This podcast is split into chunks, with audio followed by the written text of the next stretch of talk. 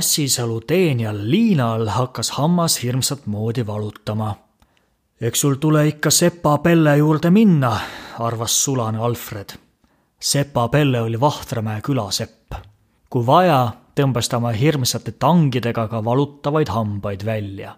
mis ta hamba tõmbamise eest võtab? päris Liina. viiskümmend ööri tunnist, ütles Alfred. seepeale arvas Emil ma usun, et ma võin selle hamba odavamalt ja kiiremini välja tõmmata. mul on üks plaan. milline plaan see oli, saate lugeda Astrid Lindgreni raamatust, kuidas Emil aitas Liinal hammast välja tõmmata. tervist, minu nimi on Kent Joosep, olen Eesti Tervishoiumuuseumi külastusjuht ja loengusarjas Teekond puhtusesse annan põgusa ülevaate muutustest hügieenivaldkonnas viimaste aastasadade jooksul seda nii Eesti aladel kui ka maailmas laiemalt. seekordse episoodi teemaks on endisaegne suuhügieen. esimese tänapäevase hambaharja leiutajana on enim mainitud inglast nimega William Addis, kes istus tuhande seitsmesaja seitsmekümnendal aastal löömingu algatamise eest vanglas kongis oli tal aega oma elu üle järele mõelda ja nõnda sigineski tal plaan välja saades rikastuda selleks asus ta kavandama hambaharjade valmistamist ja tootmist. Tema esimene väidetavalt vanglas valminud hambahari koosnes luutükist, millesse ta puuris väikesed augud harjaste jaoks, kuhu sobisid väga kenasti lehma sabakarvad. ta lõikas need sabakarvad lühikeseks, sidus kimpudesse ja liimis aukudesse vanglast vabanemise järel õnnestuski tal hambaharjade tootmisega teha jõukaks nii ennast kui ka oma järeltulijaid esialgu olid hambaharjad üsna kallid ja vaesemate perede liikmed tarvitasid sageli üht ja sama harja. aja jooksul arenesid hambaharjad üha edasi.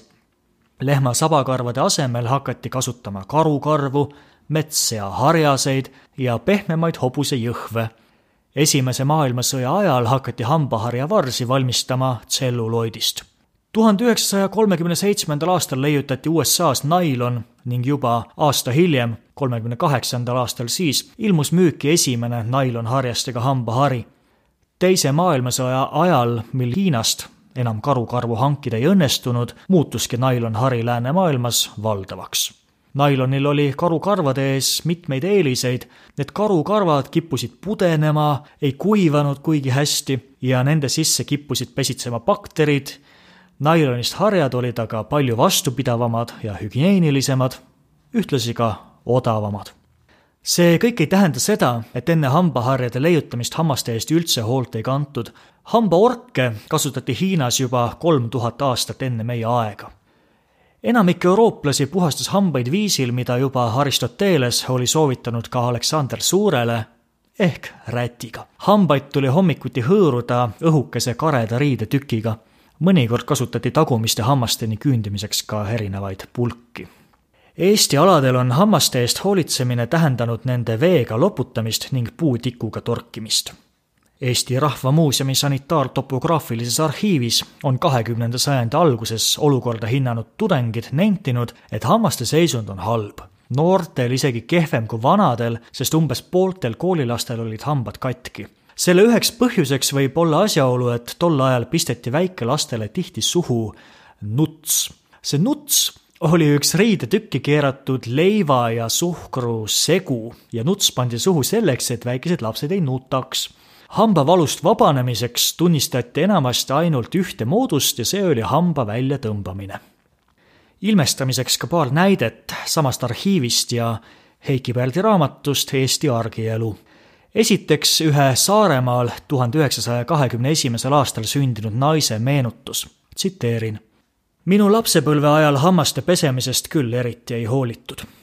mina sain küll üsna varakult, kuueaastaselt, hambaharja ja hambapulbrikarbi sünnipäeva kingiks tänu ühele mu edumeelsele tädile. minu hambaharja pulber, need olid vist küll meie külas esimesed sellised asjad see tädi, kellega elasime, sellele niisugused erakorralised asjad ei meeldinud. noh, kas pole see eputamine? ei tea, mis sitta selle lapse suus õieti on, et seda harjaga peab küürima. tsitaadi lõpp.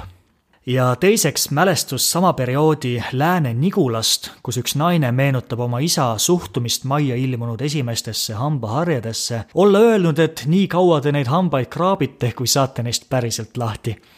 Sageli tuli ette ka seda, et pere kasutas kamba peale ühist hambaharja on andmeid, et kahekümnenda sajandi algul loputati mõnes peres hambaid iga söögikorra järel ning õhtul enne magama minekut soolveega nooremad inimesed hakkasid hambaid pesema eelkõige esteetilistel, mitte nii väga hügieenikaalutlustel.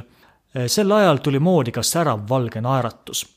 Nagu on meenutatud tuhande üheksasaja kahekümne kolmandal aastal Võrumaal, siis hammaste eest hoolitsetakse vähe. suud loputatakse saunas käies, hambaid puhastavad pürsti ja pulbriga noored inimesed siis, kui on kiriku ehk pidule minek ehk öö hulkumine ees tsitaadi lõpp.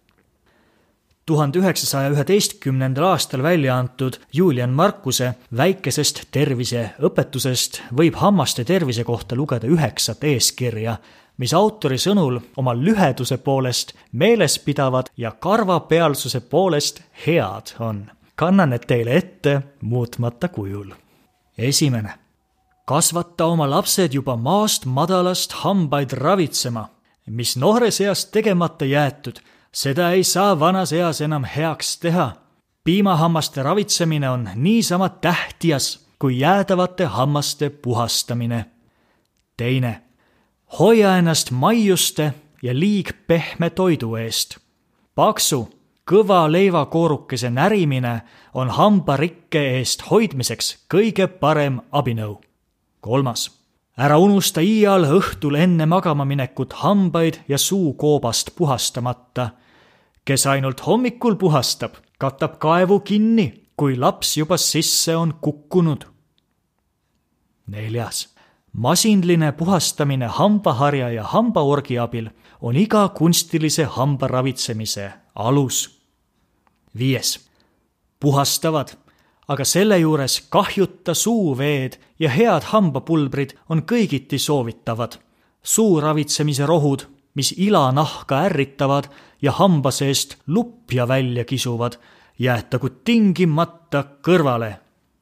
kuues, lastagu hambad aastas kord või kaks hambaarstil läbi vaadata, et haigusepesad üles leitaks ja kõrvale toimetataks, enne kui nad laiali lagunevad. seitsmes hambakivi tuleb aeg-ajalt põhjalikult välja puhastada. kaheksas, haiged hambad ja juured, mida enam hästi puhastada ei saa, lastagu välja tõmmata, valutagu nad või mitte.